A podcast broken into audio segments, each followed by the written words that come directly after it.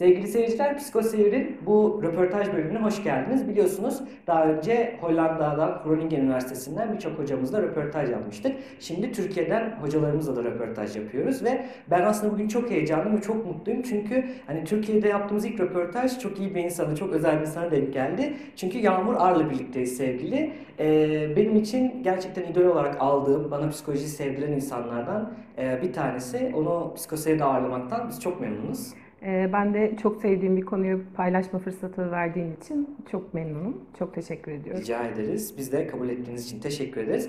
Evet, bugün çok güzel bir konuyu konuşacağız. Kişilik bozuklukları ve ilişki sorunları sevgili seyirciler. Ee, Yağmur Hoca'yı biraz anlatarak ben başlayayım, tanıtayım kendisini. Ondan sonra biz sorularımızla devam edelim.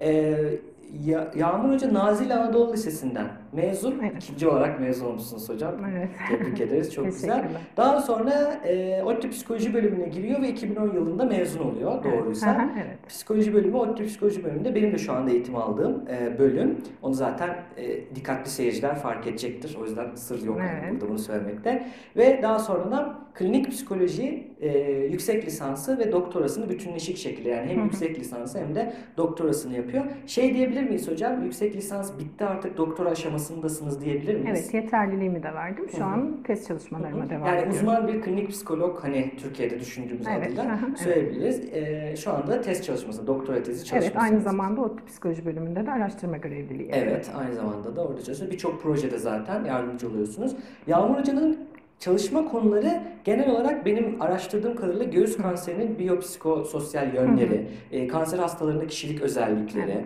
Alzheimer hastalığı, hasta bakıcılarında yaz sorunları gibi konulara odaklanıyor. Bir de hocam e, bir Türk Psikologlar e, Derneği'nin Genç Psikolog ödülünü almışsınız araştırmada. Evet. Galiba siz ve e, Sayın Eldoğan birlikte Evet, yaptınız. e, doçent doktor Özlem Bozan'ın aslında süpervizörlüğünde lisansta yürüttüğümüz bir araştırmaydı. Hı hı.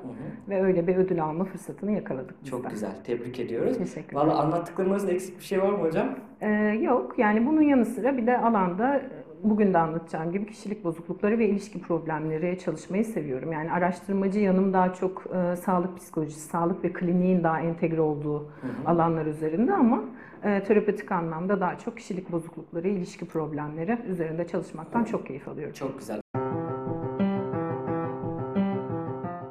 Evet, o zaman konumuza başlayalım. Kişilik bozukluklarını konuşacağız. Kişilik bozukluklarından önce ben biraz kısaca e, kişilik nedir tanımlamak istiyorum. Tabii ki hepimiz kişilik nedir biliyoruz ama psikoloji bilimi açısından kişilikte ne kastediliyor onu bir e, söyleyelim. Aslında kişinin yani nispeten sürekli olan, Evet. devamlı olan kişilik özellikleri, kişilik karakteri ve ona has özelliklerin bütününü ve bu bütünün öyle bir özelliği var ki o kişiye o özelliğini, kişiliğini veriyor. Yani e, diyelim ki şöyle örnek vermek güzel olacak. Diyelim ki Yağmur Hoca'nın birebir benzeri var burada. Hı hı. Dış görünüşü, ses tonu her şeyi benzer. Ama biz onun o olmadığını, diyelim ki bir kopyası olduğunu anlayabiliyorsak işte o anlamamızı sağlayan özellikler tamamen kişilik özellikleri diye tanımlıyor. Pek Pek tabii çok farklı tanımlar var ama genel olarak çoğu psikoloğun kabul ettiği tanımlardan bir tanesi. Yani aslında çok güzel bir şeye değindim. Kişiyi kişi yapan özellikler. Tabii ki ortak bazı kişilik özelliklerimiz de söz konusu.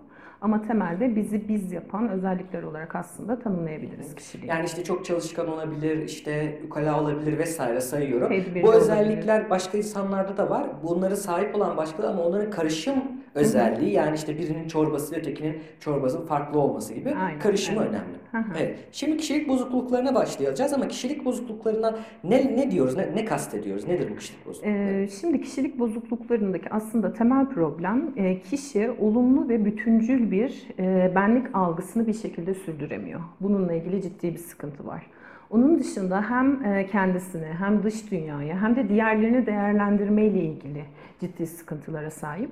En önemli bir diğer özellik kişiler arası ilişkileri, ilişkilerinde ciddi sıkıntılar var. İlişki O yüzden ilişki kuramayabiliyor. problemlerini de buna ekledik. Aynen öyle yani en karakteristik özellik olarak aslında bunu söyleyebiliriz. Aşırı yakın ilişkiler kurabiliyor, tamamen toplumdan soyutlanmış bir hayatı seçebiliyor gibi işlevsel olmayan ilişki örüntülerini bekliyoruz.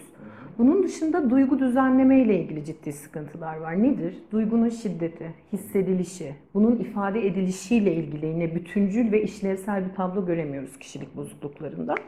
Ayrıca bazı dürtü kontrol problemlerine de sahipler.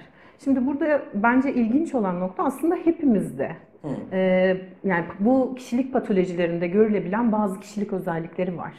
Ama kişilik bozukluğunu bozukluk haline getiren şey e, rigid olması bu özelliklerin. Rigid Değişmeyen olması yani. evet. Kesinlikle ve değişime ciddi anlamda direnç gösteriyor olmaları.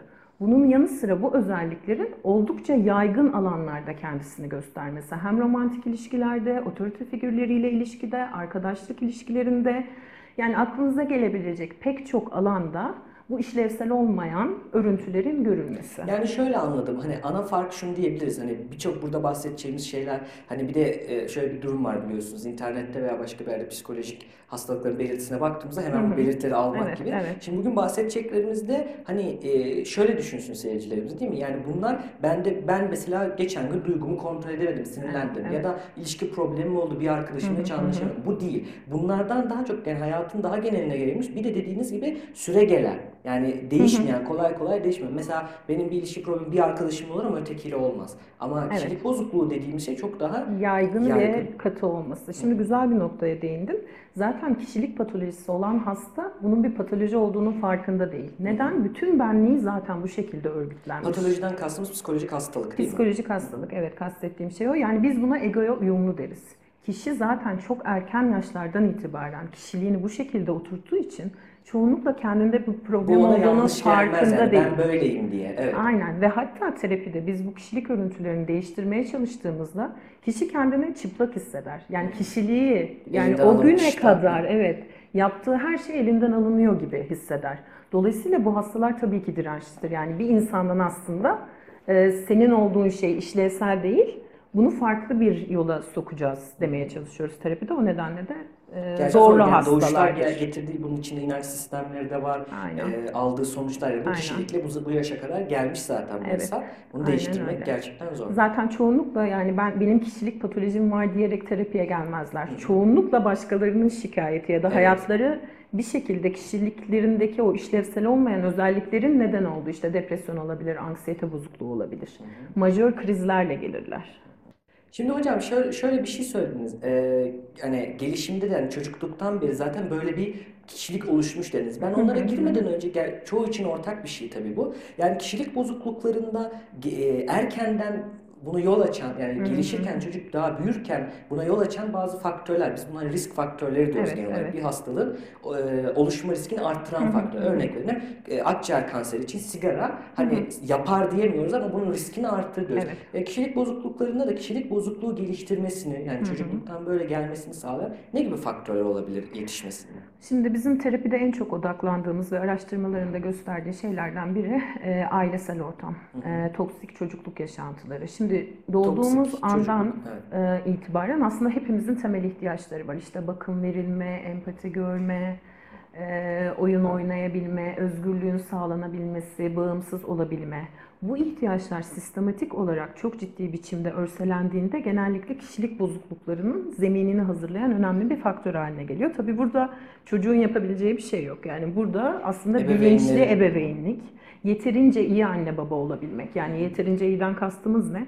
Çocuğa her şeyi sunarsanız, her şeyi altın tepsilerle verirseniz de işte bizim narsistik kişilik bozukluğu dediğimiz bozukluk Evet, da ortaya onu çıkabilir. Yani mükemmel anne baba değil, yeterince, Yeterince iyi anne yani baba. yeri geldiğinde hata da yapabilen, bu hatayı kabul edebilen, çocuğun ihtiyacı olduğunda onun ihtiyaçlarını karşılayabilen, karşılamadığında bunu kabul edebilen ebeveynlik stili çok önemli.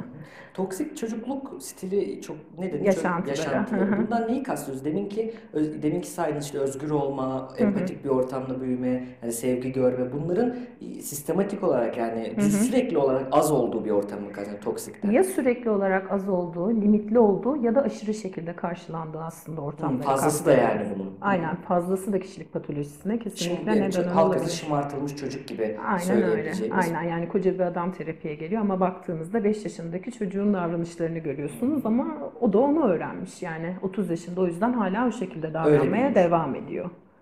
Çok güzel. Ya o zaman bu faktörlerde belki izleyenler arasında ebeveynler vardır, ço- çocuk şu anda çocuk yetiştiren insanlar vardır. Onlar için hani son olarak söyleyebileceğimiz yani daha da konuşuruz ama buradan söyleyebileceğimiz mesaj e, ben biraz şöyle anladım. Mesela tabii ki her anne baba çocuğunu işte sever, canım cicik besler ama buradaki kasıt bunu hani beslemek için, sevmek için yapmak mı? Yani içi dolu mu, içi boş mu? Biraz bana öyle geldi. Yani her ihtiyacı karşılanabilir bu çocuğun. İşte parka git denebilir. İşte bunların hepsi sağlansa bile çıkabiliyor. Çünkü belki de bunlar hani ben daha ne yapayım? Hani böyle vardır ya ben hani e, işte giydirdim, yedirdim, Evet, içirdim evet. ama orada başka eksik şeyler var. Yani yeterince iyi olmamak, mükemmel olmayı zaten Evet. kimse istemiyor. Biraz bu, bu gibi geliyor. Yani şeye dikkat etsinler mi? De, etsinler diyebilir miyiz ebeveynler için? Gerçekten yaptığımız e, davranışların çocukta neye yol açıyor? Yani ben işte e, ilgilenmiyorsam bunun sebebini eğer kabul edip de bunun sebebini o çocuğa hissettirebiliyor muyum? Ya da ilgileniyormuş gibi gözükürken aslında ilgilenmediği mesela. Aynen öyle. Yani aslında bu ihtiyaçların karşılanmasının ötesinde, bu ihtiyaçların karşılanması sırasında samimi olduğunuzu, doğal olduğunuzu çocuğa hissede, hissettirebilmek, çocuk hata yapsa bile yargılayıcı olmamak. Yani çok temelde, yani en temelde çekirdek olarak bence koşulsuz sevgi ve ilgiyi çocuğa verebilmek en önemli şey. Ama bence buradaki en önemli nokta ebeveynin aslında kendi eksikliklerini, yani patoloji demeyeceğim ama kendisiyle ilgili sorunların da farkında olması, bunun yanı sıra bunları merak edip üzerine gidebilmesi. Ve bu da aslında çocuğa model olan bir ebeveynlik Belki ebeveyn mesela sinirlilik problemi yani agresif bir yapısı varsa bunun farkında bile değilse e, çocuğu da böyle yetiştirdiği zaman çocuk normal bir hatada bile hani yüksek derecede Aynen bir öyle. kızgınlıkla tepki göreceğine alıştığı için belki de genel ge- hani büyüdüğünde genel hayatta insanlarla bir çatışmadan bir konuda tartışmaktan da çekinecek duruma Aynen gelmiş yani olabilir. bu çocukta öfke kontrol problemi olabilir. Ya da eleştirilme ve öfke çıkacağı kayna sebebiyle, kaygısıyla tamamen ilişkilerden Evet. kendini çekebilir. E, Dolayısıyla yani ebeveynin tutumu çok önemli.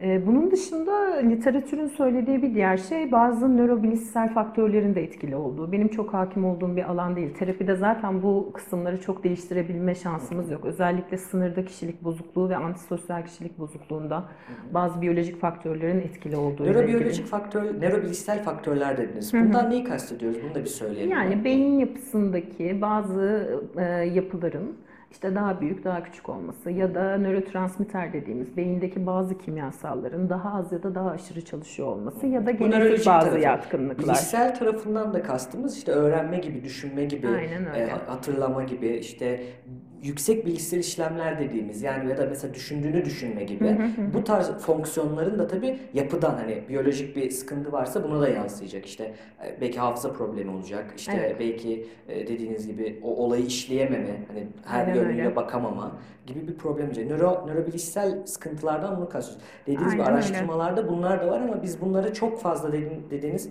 şey Hem yapamıyoruz, değiş, etkileyemiyoruz. değiştiremiyoruz hem de çok tutarlı olmayan sonuçlar da var. Yani bu araştırmaları yapmak da hakikaten zorlu çünkü kişilik patolojilerinin yaygınlığı çok fazla değil. Bunun yanı sıra dediğim gibi patolojisi olan kişi zaten patolojik Evet. olduğunun farkında Yani böyle bir çalışma yapsanız hani biz işte beynini inceleyeceğiz kişilik, kişilik bozuk kim gelecek? Hani ben kişilik bozukluğunu gelin inceleyin diye. Aynen. Doğru. Zaten her kişilik patolojisi de örneğin araştırma ya da özel hastanelere başvurmuyor. Yani genelde daha dürtüsel işte e, sınırda kişilik bozukluğu ya da antisosyal kişilik bozukluğunda. Çünkü onlar e, ne bileyim intihar girişimleri olabiliyor, suç girişimleri olabiliyor. Bunlara erişimimiz evet, daha fazla.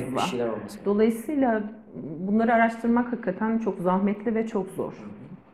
O zaman kişilik bozukluklarının güzel bir giriş yaptık bence. Hani gelişimsel açılarına da baktık. Şimdi yavaş yavaş başlayalım. Neler var kişilik bozuklukları onlara bir konuşalım. Ee, Şimdi e, DSM-5'e göre temel kişilik bozuklukları 3 ana küme çerçevesinde. DSM-5'i bir anlatalım. DSM'den, DSM'den neyi kastediyoruz? DSM bizim ruhsal bozuklukları sınıflandırdığımız ve e, tanı sırasında faydalandığımız bir sınıflandırma aracı gibi düşünebiliriz 5 aslında. dediğimiz için 5. versiyon. yani şu an en değişiyor. son ve Türkçe çevirisinin yapıldığı versiyonda e, beşincisi oluyor. Yani psikiyatrlar ve psikologlar, klinik psikologlar bunu kullanıyorlar. Evet. Ee, bir nevi e, dediğimiz gibi hani bu bir bir tanı koymak için bir rehber, bir tanı koymak için el kitabı gibi öyle. düşünülüyor. Be beşincisi olduğunu da vurgulamamın sebebi yani daha önceden olmayan belki be- belli hastalıklar var Aynen. ya da biz bu hastalığı böyle düşündük araştırırken ama öyle olmadığı ortaya çıktı. Şimdi değişti dediğimiz yeni şeyler. O yüzden en güncelini kullanmak hani kişilik Evet bozukluklarında da kesinlikle onu önemli. kullanmak Her önemli. türlü patolojide önemli Evet. aslında.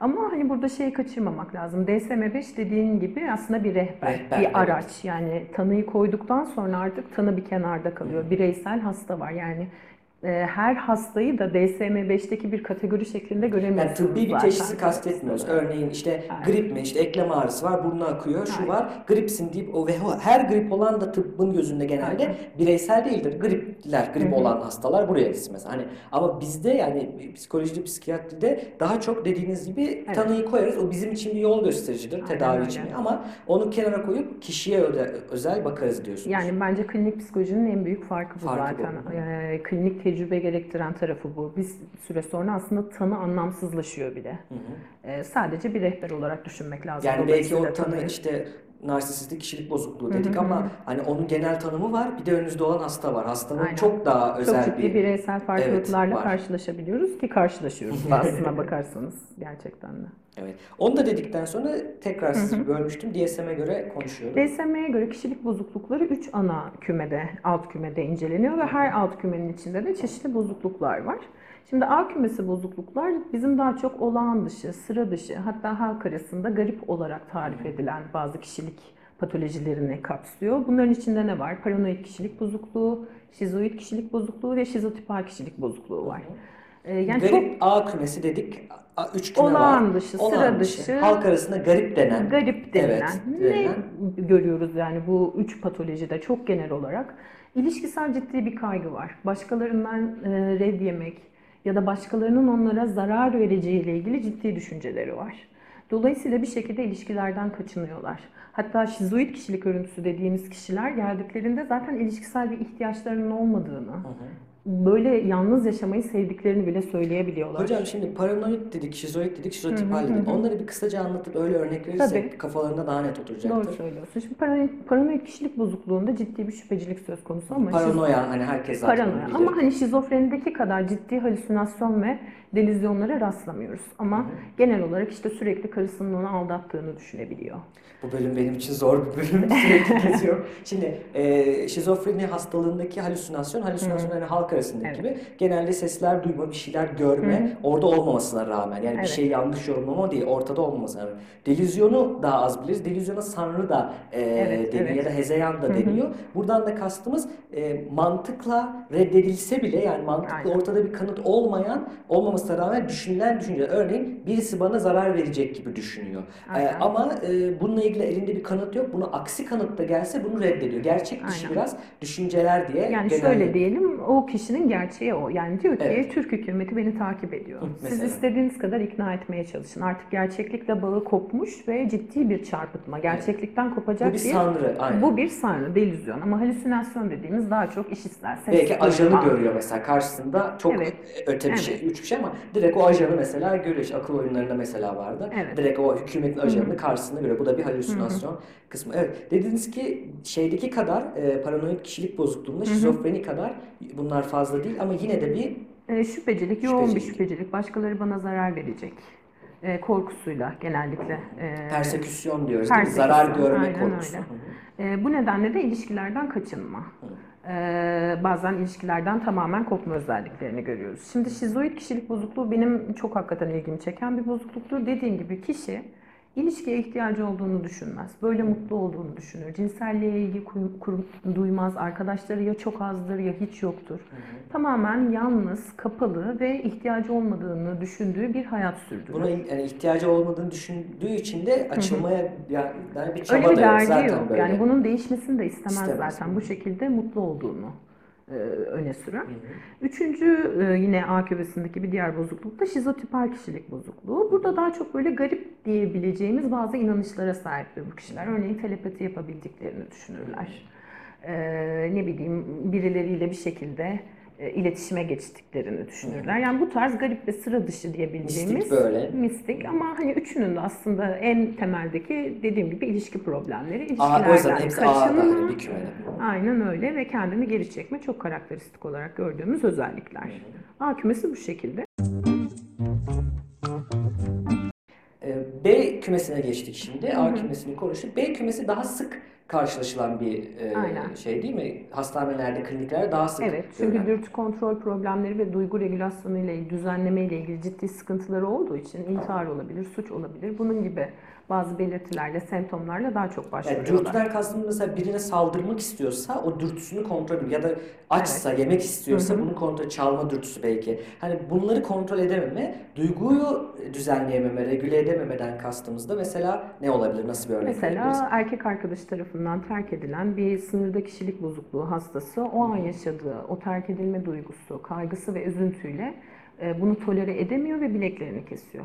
Burada da aslında kavga ve intihar artık. Aynen yani duygusunu düzenlemek için kullandığı yöntem hiç işlevsel değil ve oldukça dürtüsel bir Yani yöntem. örnek vereyim işte üzgünseniz de hep derler ya tiyatroculardan o gün işte oğlu vefat etmiştir, sahneye çıkmıştır, komedi oynamıştır. Yani orada bir duygu regülasyonu biz de aşırısını artık görüyoruz. Hani Evet. sağlıklı mı sağlıksız mı oraya hiç girmiyorum ama hakikaten hani bunu kontrol edebilme, ol öyle şey yapabilme, biraz onu Evet. dizginleyebilme.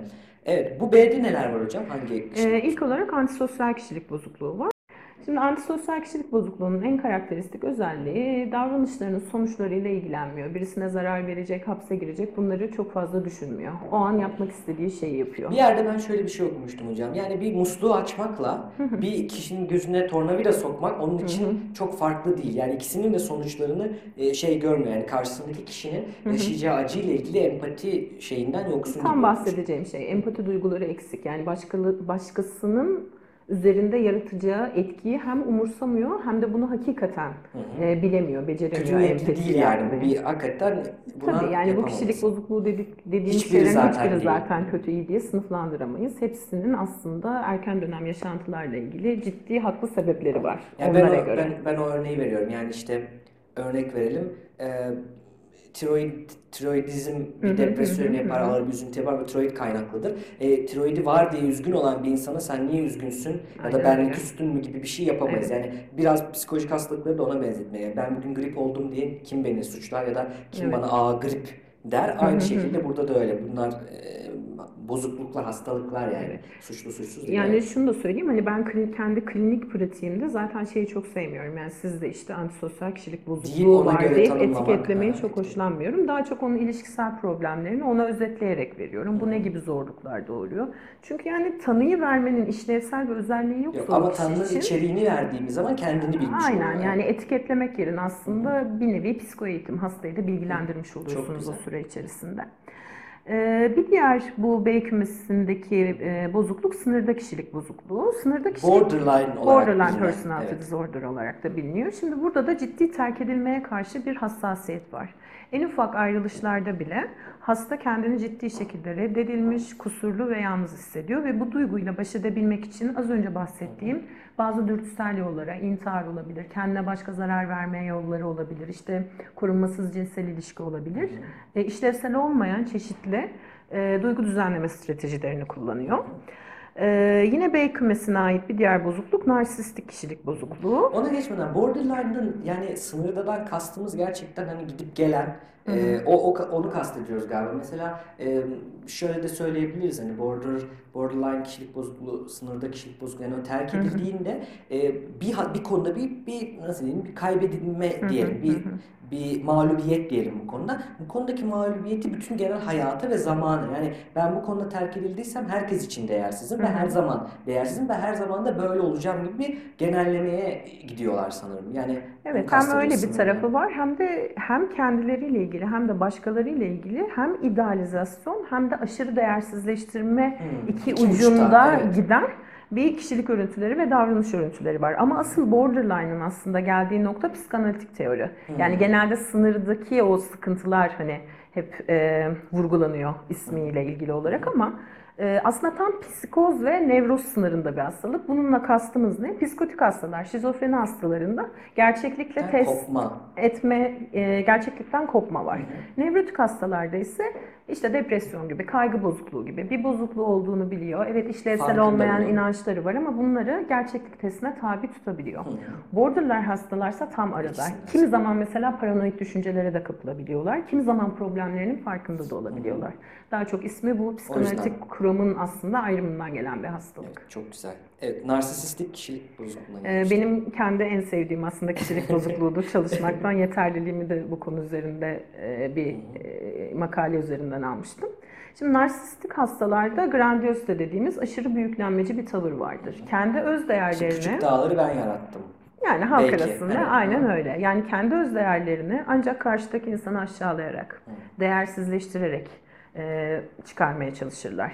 Ya da bazı yapay başarılar, işte aşırı işkolik olma ya da her zaman işte en başarılı olma üzerinden. Başarıyı neye atfettiyse mesela yani Evet. çocukken işte onu derse atfettiyse o başarıyı çok çok yüksek notlar Evet, yani evet. her şeyi böyle e, tam puanlar almak üzere buna takıntı alamayınca çok üzülmek gibi hani e, kendi değerini dediğiniz başkaları üzerinden belirliyor onu da belirlediği için yükseltmeye çalışıyor. evet hemen üstte onu aşağı indirip yü- yükseltmeye Yani şöyle bir şey var. Zaten narsisist bir hastayla karşı karşıya geldiğinizde bunu direkt anlarsınız. Çünkü o hemen üste çıkmaya çalışır, sizi de hemen alta çekmeye çalışır.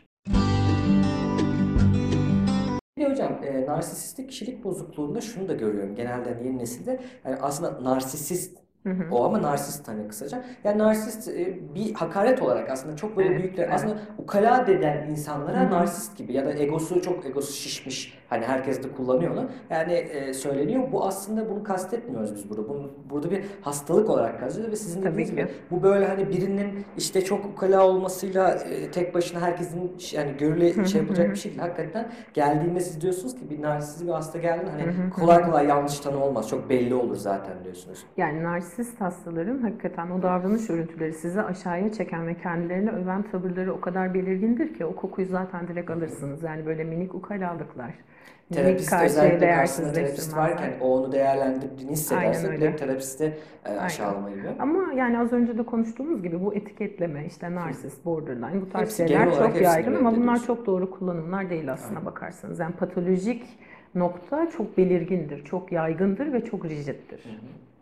E, ve B grubunda bu şekilde bitirmiş mi Ee, oluyoruz? B grubundaki son bir e, kişilik patolojisi de histriyonik kişilik bozukluğudur. Bu kişiler genellikle ilgiyi cinselleştirme üzerinden almaya çalışırlar. Yani sevgi ve ilgiyi cinsellikle eşdeğer tutabilirler. Sürekli ilgi odağı olmaya çalışırlar.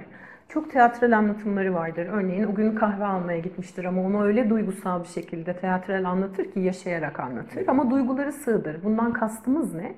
Ee, yani aslında derinde o duyguyu hissetmez ama çok derin Hissediyormuş gibi. hissediyormuşçasına karşı tarafa aktarır. Ee, Şimdi son küme bozukluklarda C kümesi kişilik bozuklukları. Bunlar daha çok kaygılı, korkulu kaçım e, bağlanma biçimleriyle aslında karakterize bozukluklar. Ee, Buradaki ilk bozukluk kaçınmacı kişilik bozukluğu. Bu kişilerde ciddi bir reddedilme korkusu vardır. Performans, değerlendirilme korkusu, beni sevmeyecekler, beni beğenmeyecekler. O nedenle de yakın ilişkilere girmekten genel olarak çekinirler. Topluluk arasında bulunmaktan belki de konuşma yapmaktan. Aynen öyle. Ya da yakın ilişki işte daha yakın olacakları, kendilerini açmaları gereken ilişkilere reddedilme korkusu nedeniyle çok fazla girmemeye çalışırlar. Ee, C kümesindeki son kişilik bozukluğu da bağımlı kişilik bozukluğu. Ee, Bağımlı kişilik bozukluğu aslında e, yine narsistik kişilik bozukluğu gibi oldukça belirgin özelliklerle kliniğe gelen hastalar da görülüyor. Kişi en ufak bir kararı bile bir başkasının varlığı olmadan, ona bağımlı kalamadan alamıyor. Ama bunlar hakikaten ufak kararlar. Yani bakkala gidip bir ekmek almak ya da marketten herhangi bir şey almak bile bu kişiler için bireysel olarak oldukça zor. Yani bireysel olarak hayatlarını bir başkasının varlığı olmadan sürdürmede Ha yani hani şey gibi değil. süreç. İşte şımarık yetişmiş illa bir şey isteyen yani ya da başkasının çok yararlanan hani kullanan insan değil. Gerçekten e, o olmadan yapamayan yani ekmeğini aldırmak değil. O olmazsa gerçekten gidip alamayacak o ekmeği. Aç kalacak. O kararı veremiyor. Hakikaten böyle bir becerisi yok gibi düşünmek lazım. Yani bir başkasının orada yönlendirmesi olmadan bireysel olarak kendi karar verme yetileri oldukça sınırlı bu bozuklukta. Bağımlı kişilik bozukluğundan bunu kastediyoruz. Evet hocam. Ee, son olarak da e, obsesif kompulsif kişilik bozukluğu. Ee, bu Burada bozukluk onu demişken bu arada obsesif kompulsif bozukluk diye ayrı bir hastalık var. Onu kastetmiyoruz. Bu kişilik bozukluğu olan obsesif kompulsif yani kişilik bozukluğu. evet e, aslında birbirinden oldukça farklı iki patoloji. Obsesif kompulsif kişilik bozukluğunda kişi ayrıntılara oldukça yoğun bir şekilde önem veriyor. Yoğun biçimde mükemmeliyetçiliği var. Bazen ufak ayrıntılara o kadar takılıyor ki bir işi yetiştirmede ya da tamamlamada ciddi sorunlar İlla yaşayabiliyor. orası öyle olacak onun. Yani yoksa Aynen. bitirmiyor. Aynen. Ve bence yine çok önemli bir nokta kişi ayrıntılara, düzene oldukça fazla önem verdiği için kendi duygularına ya da kişiler arası ilişkilere aslında vermesi gereken önemi verme becerisine sahip değil. Evet kişilik bozukluklarını konuştuk. Son bir özetleyelim sayı hani isim isim olarak bir listeleyelim isterseniz. Evet, A kümesi bozuklukları paranoid kişilik bozukluğu, şizoid kişilik bozukluğu ve şizotipal kişilik bozukluğunu kapsıyor. Ee, dramatik küme dediğimiz B kümesi bozuklukları, narsistik kişilik bozukluğu, sınırda kişilik bozukluğu, antisosyal kişilik bozukluğu ve histriyonik kişilik bozukluklarını kapsıyor. Son olarak e, daha çok kaygılı ve korkulu kişilik karak- e, özellikleriyle karakterize ettiğimiz C kümesi kişilik bozukluğunda ise çekingen kişilik bozukluğu, bağımlı kişilik bozukluğu ve e, obsesif kompulsif kişilik bozukluğu yer alıyor. Ee, Yağmur Hocam size çok teşekkür ediyoruz. Şimdi Ben ilk bölümümüzün ederim. sonuna geldik. Bunun devamı olacak arkadaşlar. Bir dahaki bölümümüzde de bu kişilik bozuklukları nasıl tedavi ediliyor? Bunları soracağız Yağmur Hocamıza. Bir de daha da önemlisi bu kişilik bozukluklarıyla birlikte yani ilişki problemleri neler? Bunlarla ilgili neler yapılabilir? Nasıl kişi özellikleri oluyor? Yani burada biraz bahsettiklerimizi daha da net örnekleyeceğiz. Evet. Bir dahaki bölümde görüşmek üzere.